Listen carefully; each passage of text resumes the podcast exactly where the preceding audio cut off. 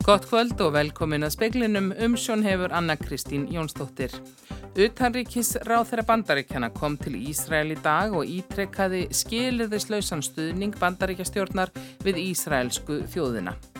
Hlýra loftslag og hópun jökla hefur aukið framlegslu getu landsvirkjunar umtalsvert á undanförnum tíu árum, segir fórstjórin.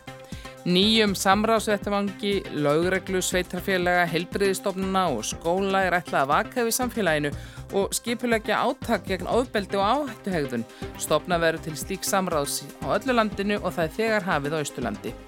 Kostingar í Pólandi á sunnudag snúast ekki sístum hvort stjórnaflokkurinn lög og réttlæti heldur völdum þriðja kjörtímabilið í röð.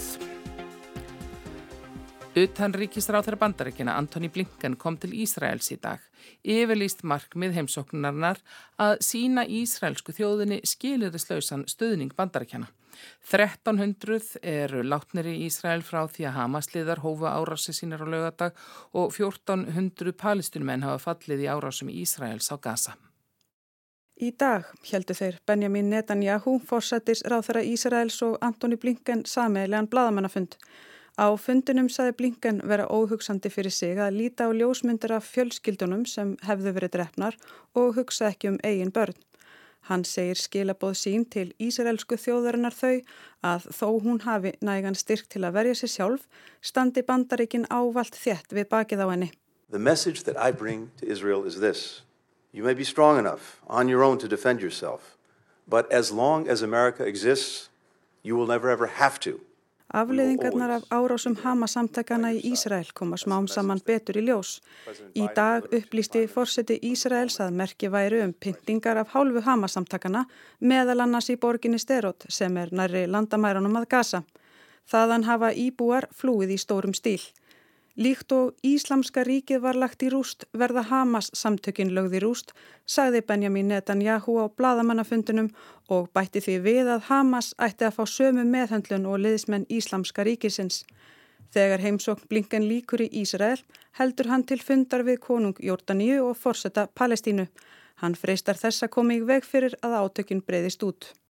Valgerður Greta Gröndal saði frá halda á ríkistráðsfund á bestastöðum á laugadaginn þar verða kynntar breytingar á ríkistjórnni vegna afsagnar Bjarnar Bendiktssonar og ennbætti fjármálar á þeirra. Sigurður Ingi Jóhansson, innviðar á þeirra og formaður framsorgnaflokksins segir að jákvægt andrumsloft sé í ríkistjórnni og vilji til þess að halda samstarfinu áfram út kjörtímabilið. Bjarni hefur sagt ekki líka fyrir hvort hann fari í annað ráðuniti. Forstjóri landsvirkjuna segir að lofslagsbreytingar hafi orðið til þess að framleysla á rafmagni hér á landi hefur aukist umtalsvert. Á undanfjöldum tíu árum hefur viðbóttinn vegna þessa numið einni meðalstóri virkun. Á höstfundi landsvirkjunar í gerðmorgun kom fram að sala landsvirkjunar á raforku væri nálagt við hámarki sem fyrirtækið reði við. Augljóst samhengi er á milli þess sem flýtur í lónlandsvirkjunar og orku sem mögulegt er að framleiða. Á undanförnum árum hefur bráðnun jökla átt sinn þátt í því að auka framleiðslu á ramagni. Við fylgjumst mjög grann með reynslunu, erum með mjög flókin eh, starfæðilega líkun sem að eh, herma innræsli í lónin og, og hlínunin og, og svona hópun jöklana gera það verkum að við erum að sjá meira innræsli sem var að núna nefnilega næstu 100 árin. Eh, við á síðustu 10 árum að þá þá jók þetta orkuvinnslu getur okkar um, um, um 600 gigavarstundir eins og eina virkjun en, en uh, þetta er óhjákamileg uh, afleðing af, af línunni. Sagði hörður Arnarsson Bendikt Sigursson saði frá. Fólk sem þykkur máltíður á kaffistofu samhjálpar þarf að skrá sig sérstaklega svo undsí að meta hvort það þurfi á aðstóðin að halda. Þetta eru viðbröðu við neyðar ástandi, segir framkvæmdastjóri samhjálpar. Kaffistofa samhjálpar er ætluð fólki í neyð sem hefur ekki tökka á að sjá sér fyrir mat. Frá 2015 hefur heimsóknum á kaffistofuna fjölgað um helming. Þar voru þá 60.000 en í fyrra voru þær 90.000. Fólk þarf nú að skrá sig inn í heimabanka og vef skattsins til að sína fram á tekju og eignastöðu. Etta Jónsdóttir, framkvæmdastjóri Samhjálpar, segir að æg fleira fólk af erlendum uppruna og umsækjandum um alþjóðlega vernd leiti til kaffistofunar. Það endur spekli fjölgun í þessum hópum í samfélaginu almennt. Við höfum á samt hjálparsefnum verið þau samtökum taka mótið þeim sem eru án kennitölu. Þannig að við erum að þjónusta þann hóp líka og þau leita til okkar og við erum bara mjög velkomin og endurlega viðbútt við samfélagi hjá okkur. Hún segir að Samhjálp fái 10 miljónir króna á ári frá Reykjavíkurborg til reksturs kaffistofunar. Samhjálp sapnar einnig fjö og matargjöfum frá fólki og fyrirtækjum. Etta segir að launakostnaður þessa árs sé tæpar 50 miljónir og að Samhjálp gefi 100.000 máltíðir á kaffistofunni á ári. Þessi rammi í kringum skráninguna hafi reynst nöðsynlegur. Þetta er bara hjá öllum sem að reyka svona starfsema. Þá, þá þurfum við bara að skrá fólk og gera grein fyrir að það sé örgla þannig að fólk þurfa að þannig að halda. Í lok árs 2021 þótti mikið ef 180 manns komi á kaffistofuna á dag. Núna koma upp í 350 á dag. Það má alveg segja það að það að taka upp þessa skráningu og halda utanum þá sem að koma til okkar á kaffestofuna, það er auðvitað viðbröð við neyðar ástandi. Saði Edda Jónsdóttir, Gunnhildur Kjærúl Birkisdóttir tók saman. Laureglan í Svíþjóð fannum 200 kíló sprengjefni skamt fyrir utan uppsali á þriðdaskvöld. Karl og kona og fertugsaldri voru handtekinn grunuðum að ætla að nota efni til að stopna almennum borgurum í hættu. Laureglan lagði líka hald á fíknefni við leit sína. Saksóknar segir að fólkið hafi áður komið við sögu hjá laureglan fyrir minniglæpi og snemt sé að segja til um hvort að þetta tengist ofbeldisöldunu í Svíþjóð. Lauregla, sveitarfélag, heilbyrðistofnunir og fleiri ætla að snúa bökum saman í átaki gegn ofbeldi og áhættuhegðun. Stofna veru til samráðsvettvangs í öllum landslutum og svo fyrsti hefur verið settur á lakirnar á Östurlandi. Átagsverkefnið Örugara Östurland verður eins konar fyrirmynda að samskonar verkefnum í öðrum landslutum. Það gengur út á að ólíkar stofnanir takja höndum saman gegn ofbeldi, afbrotum og áhættu hegðun. Lögreglan á Östurlandi leiðir vinnuna en fær til liðs við sig sveitarfjölögin, framhaldsskólana, heilbriðstofnun Östurlands, UIA, þjóðkirkjuna og fleiri. Þessar ólíku stofnanir hafa líst yfir samstarfi til að vinna gegn ofbeldi og öðrum afbrótum með sameinlegum markmiðum og aðgerðum. Margret Marja Sigurdardóttir er lögreglustjóri á Östurlandi.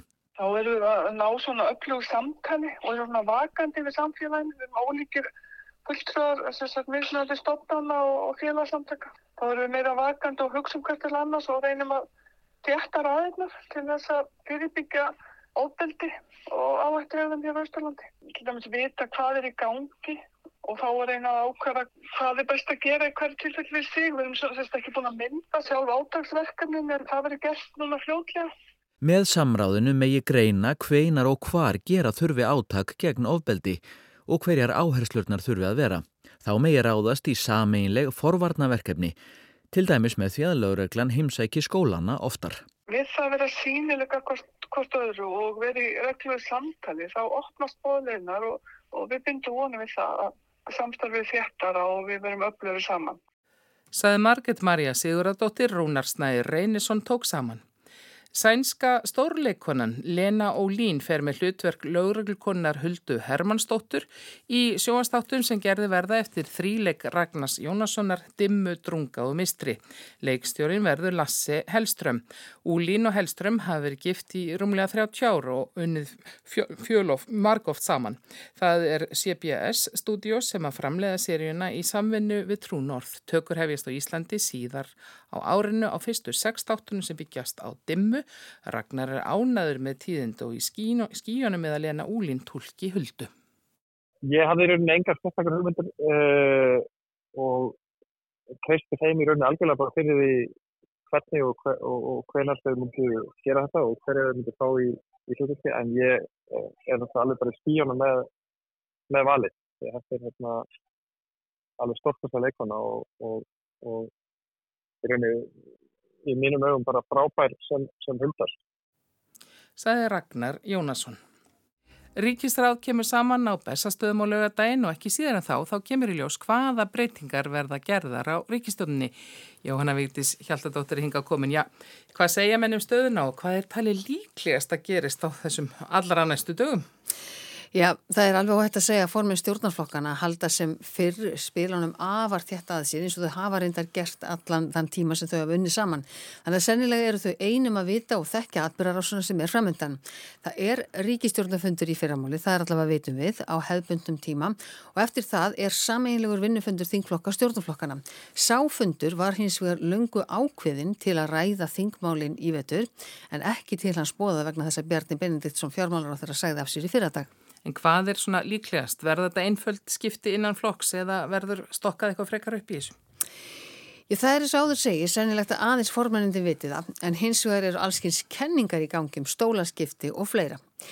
Það er allavega ljóst að Bjarni fyrir úr fjármáraráðuneytinu og líklegast er að hann fari í auðaríkisráðuneyti þar sem fyrir er Þórtís Kolbrún Reykjörð Gilvardóttir varaformaði sjálfstæðisflokksins.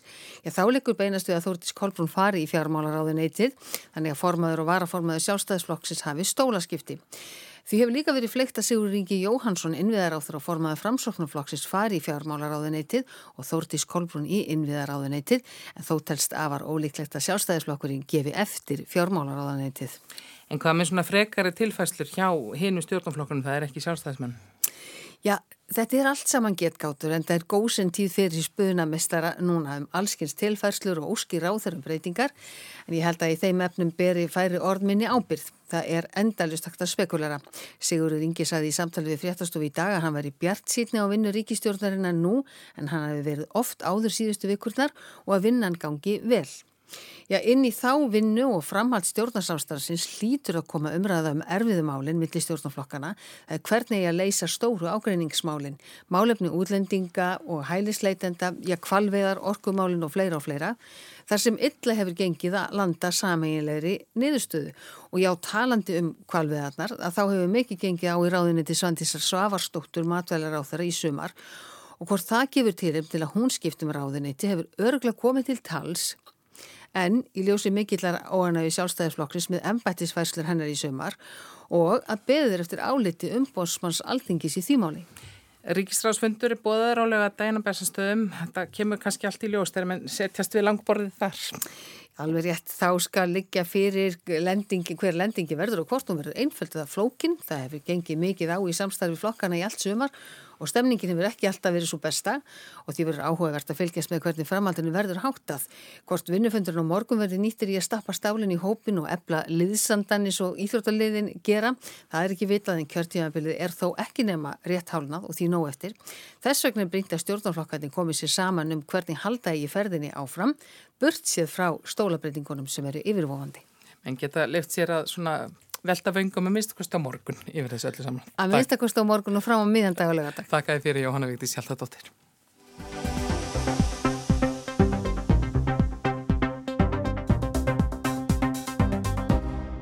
Pólverjar gangað kjörborði á sunnudaginn. Slagurinn stendur helst millir flokks laga og réttlætis sem fer fyrir ríkstjórninni og hefur gert í tvö kjörtumbil og borgarvettvangsins sem er stæstur í stjórnarandstöðinni.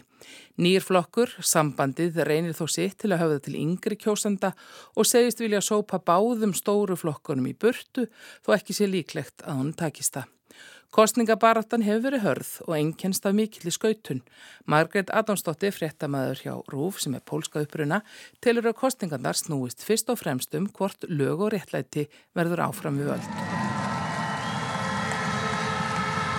Ég held að þetta sé aðal atriðið út af því að þau voru ráðandi svona í bólskum stjórnmálum frá cirka 2005 og það eru tvö kjörtímabil í rauð sem þau hafa stjórnað og ef þau vinna aftur þá verður það þriðja tímabil í rauð og það verður í fyrsta skipti síðan 1989 þegar Póland uh, skildi við Sovjetrikinn að það væri sami flokkurinn samtals í þrjú kjörtímabil.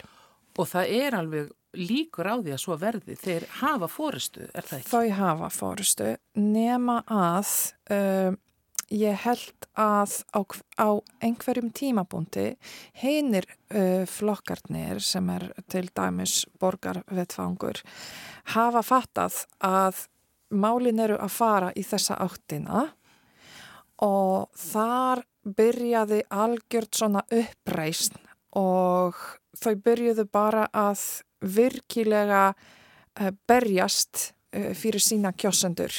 Þannig að það er stór möguleiki að, að þau rétt ná að vinna, sem sagt að þau fá kannski ekki fórustu en að, að þau gætu unnið svona nauman sigur borgarvedvangurinn og þau gætu þá mögulega púsla saman einhvers konar stjórn með öðrum flokkum. Þannig að það er þannig möguleiki. Helstu flokkanu tveir, lög og réttlæti og borgaravettvangurinn eru báði til hægri, segir Margret, en enga síður ólíkir. Lög og réttlæti myndi ég segja er miklu íhaldsamari hægri flokkur og þau eru búin að setja sér saman í samstarf við katholskri kirkju.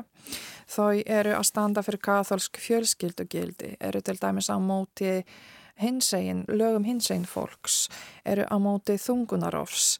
Þau voru að styðja innflytjendur móttöku flottamanna frá Úgrænu og aðstóð, herraðstóð til Úgrænu. En þeir eru búin að setja Póland svolítið í, í, í basl við ESB út af málum með um að refsa dómurum og ESB sektaði stjórnvar Pólands um miljón evra á dag. Og með því Póland sem sagt misti endur heimtasjóð fyrir COVID. Þannig að þetta er umdeildur flokkur.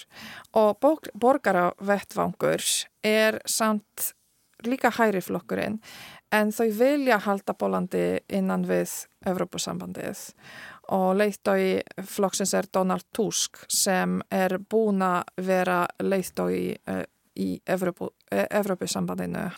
Þannig að hann vill alls ekki, hann vill laga stöðu Pólans innan við Evrópusambandið og hann vill stiðja bárat og kvanna um að hafa aðgengi til þungunarofs. Hann vill endurheimta hérna COVID-sjóðið fyrir Póland og hann ótast mjög mikið að lög og réttlæti vill draga Póland úr ESB. Þannig að það eru, ég myndi segja að borgarvettvangurinn er ekki þessi íhaldsama flokkurinn. Hann er hæri í sérst gildum en svona meira modern og progressiv. Svo er nú reynda þriðji flokkurinn sem skipar sér þarna á þennan hægri ás, konfederesja eða sam, sambandið. Sambandið, líka öfga hægri flokkur. Og þeir eru til dóla nýjir á sagt, vettvanginu og eru aðeins með 11 sæti í núverandi þingi.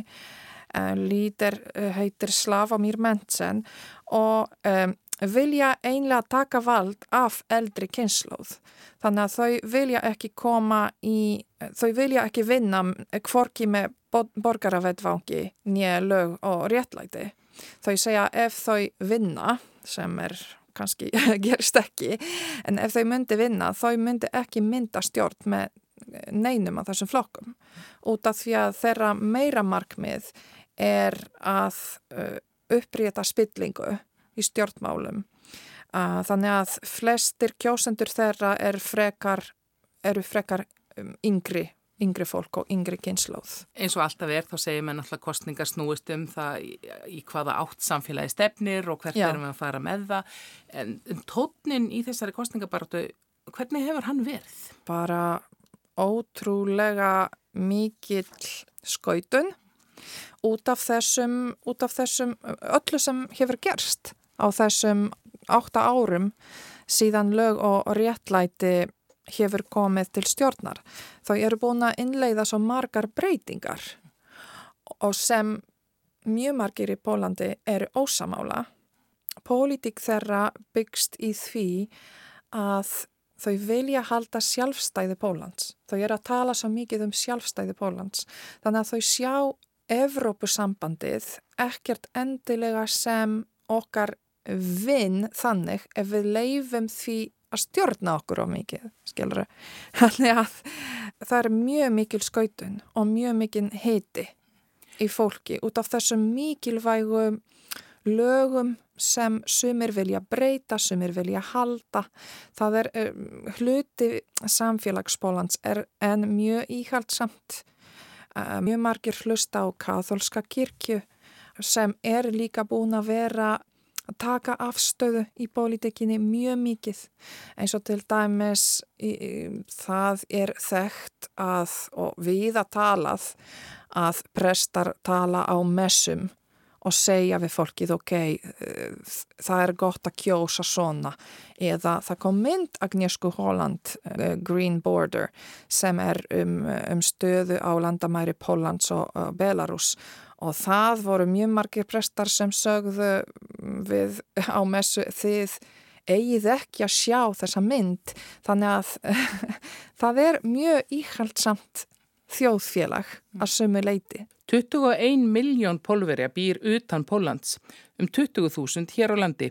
Áhíð þeirra á kostningunum hefur farið vaksandi, segir Margret. Í síðustu kostningum árið 2019 kausuð 300.000 pólverja og núna 600.000 skráðu sig til kostningar. Þannig að það tvöfaldaðist. En hér á Íslandi líka út af því að það kursi 4.000 í síðustu kostningum og núna eru skráðir 6.000 kjósendur.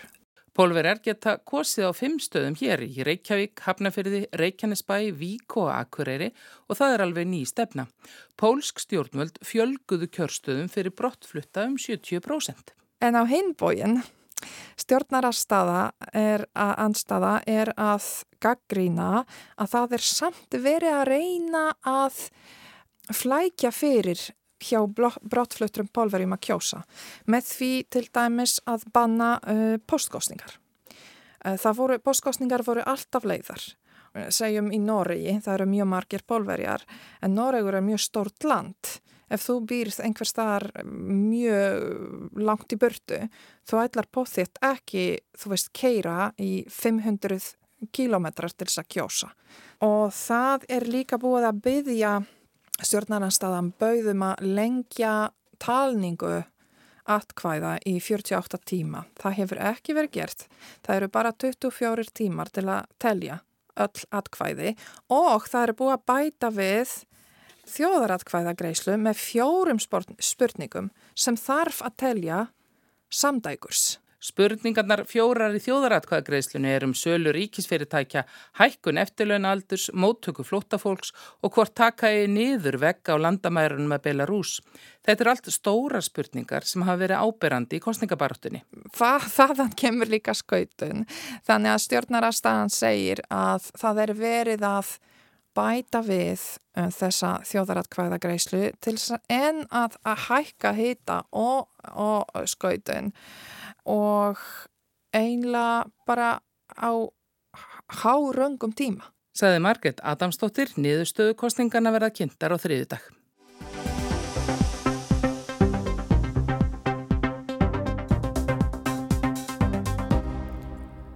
Dómari í Rómaborg sektaði dag ítalska bladamannin og ritthöfundin Roberto Saviano um þúsund efurur, hátt í 150.000 krónur fyrir ærumeyðingar í garð Giorgio Meloni forsættisráþra.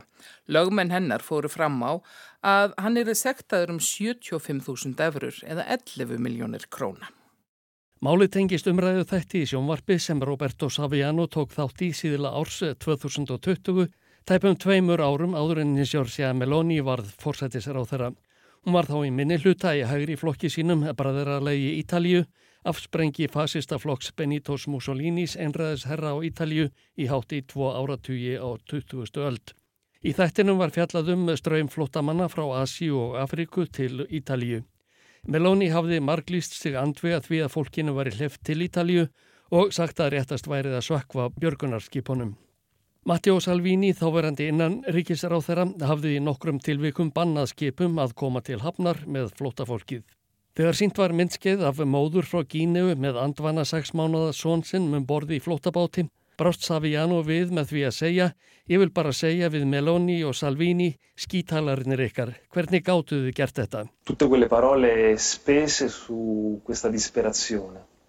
Viene solo da dire bastardi, come avete potuto. A Meloni, Salvini, bastardi. Giorgia Meloni vildi ekki una því að vera kölluð skítall eða bastardo í sjónvarpstætti sem gjörföll ítalska þjóðingat hort á. Nokkru eftir að hún varð fórsættisar á þeirra krafðust hún þess að saksóknarar höfðuðu opimbert mál á hendur Saviano fyrir ærumeðingar. Tveir ráþeirar til viðbótar hafa einnig farið fram á að honum verði refsað fyrir að hafa farið um þá niðrandi orðum. Annar þeirra er fyrirnendur eh, Salvini sem nú er innvið á aðstóðar þeirra. Um hann sagði Saviano að hann væri ráþæra undir heimana. Það jafngildir því að segja að hann sé hallur undir mafíuna. Mál Meloni gegn Saviano vakti mikla aðtigli meðal baróttu fólksum málfrelsi sem fylti réttarsalinn í Rómarborg í dag. Niðurstaða dómarans allir miklu fjadrafóki meðal þess. Roberto Saviano hefur fleiri djöbla að draga en baróttuna við Giorgio Meloni í réttarsal. Hann sendi frá sér bókina Gomorra, Mafian í Napoli árið 2006, þá 27 ára að aldri. Bókin vakti gríðarlega aðtekli og var þýtt á tugi erlendra tungumála. Kveikmynd var gerð eftir henni. Hún hlaut verðlaun á kveikmyndaháttiðin í Cannes árið 2008 og árið síðar eh, Tonino Guerra verðlaun á alþjóðlegu kveikmyndaháttiðin í Bari fyrir besta handritið. Einnig var hún til nefn til Óskars verðlauna í flokki erlendra kveikmynda. Hún hlaut fimm verðlun á Evrópsku kvikmyndaháttíðinni árið 2008 og sjö á háttíð í tölku kvikmyndaakademíurnar árið eftir. Þá má nefna að sjónvarpstættir voru gerðir eftir efni bókana. Þáttaræðirnar urðu fimm og voru síndar á árunum 2014 til 2021. Ekki voru allir hrypnir af efni Gómorra. Alla tíð seðan bókin kom út hefur Saviano þurft lögregluvernd vegna líflátshótana Camorra mafjósana í Napoli. Fljótlega frá því að bókin kom út fór honum að berast hótunarbref. Hann fekk símringingar þar sem ekkert var sagt, heldur lagt á eftir stuttastund. Og eitt sinn þegar hann var í strætisvagni var honum tilkynnt að hann yrði myrtur. Síðastliðin 17 ár hefur Saviano af þessum sökum verið undir stöðugu eftirliti. Hann fær ekki að sofa meira en þrjár nætur á sama stað. Hann má ekki fara út fyrir húsins dýr nema að vandlega aðtuguðu máli lagana varða. Ef hann ætlar til dæmis að skrepp út og fá sér bjór, tekur það alltaf þrjá daga að skipulegja ferðina. Þegar Saviano fyrir til heimaborgar sittan, Napoli, er ekki talið óhætt annað en að hann gisti í Hermannabragga. Hans nánustu hafa orðið að fara í felur. Yfirvöld telja að svo lengi sem Camorra mafjan starfar verði líf Savianos í hættu. Þegar tíu ár voru liðin frá því að bóking og morra kom út, greindi Saviano frá því viðtali við Breska ríkisútvarpið að hann var í vaktaður dag og nótt. Fjöldi lífvarðana sagðan að ákvarðaðist af því hvar hann var í stattur hverju sinni. Þegar hann væri meðal almennings væru verðirnir sjö með tvo skothelda bíla. Annars væru þeir fimm og bílarnir jafnan tveir. Hann sagðist aldrei hafa getað ímyndað sér hvernig lífið ætti eftir að breytast eftir að bók hans kom út. Það lísti kannski ekki hugrekki en ef hann geti ferðast aftur í tíman myndi hann fara með meiri gát í frásögnum sínum. Frá því að Gómorra kom út hafa félagar í Kamorra mafjunni verið dæmdir fyrir morð, árásir, fjárkúun, þáttöku í glæpasamtökum, eiturlífa viðskipti og peningaþvætti. Kamorra er þriðja fyrirferðarmesta mafían á Ítalju, á eftir Endrageta í Kalabríu og Cosa Nostra á Sikilei. Áætlað er að félagar í Camorra séu um 4500 talsins. Starfsemi í tölskum mafíunar tegir sig um allan heim. Ásker Tómasson saði frá. Gul viðvörun er enni gildi um vestanvertlandið og á suðustulandi vegna norðan kvassviðris eða storms. Viðvörun gildir norðvestan til fram á nótt, fellur og gildi suðaustanlands eftir hádegi á morgun. Annars er veðusbáinn þannig að það verður austan og norðaustan átt 10 til 18 metrar, 15 til 23 siðstóa vestfjörum fram á kvöld. Dáli til rigning suðaustalands og á austfjörðum, jél norðan til, norðlægari og þurftakalla, sunnan og vestanlands og dregur vindi í kvöld og nótt. Norðan 10 til 18 og víða jél á morgun, kvassast austast, bjart á suður og vestulandi, hitiða sjöstigum á deginum og hlýjast verður siðst. En fleiri er ekki speklinum í kvöld. Tæknimaður var Magnús Þorstedt Magnússon, Margret Júlia Ingimarsdóttir stjórnaði frétta útsendingu. Ég minn á hægt er að hlusta á speilin í spilararúf og helstu hlaðvarpsveitum veriði sæl.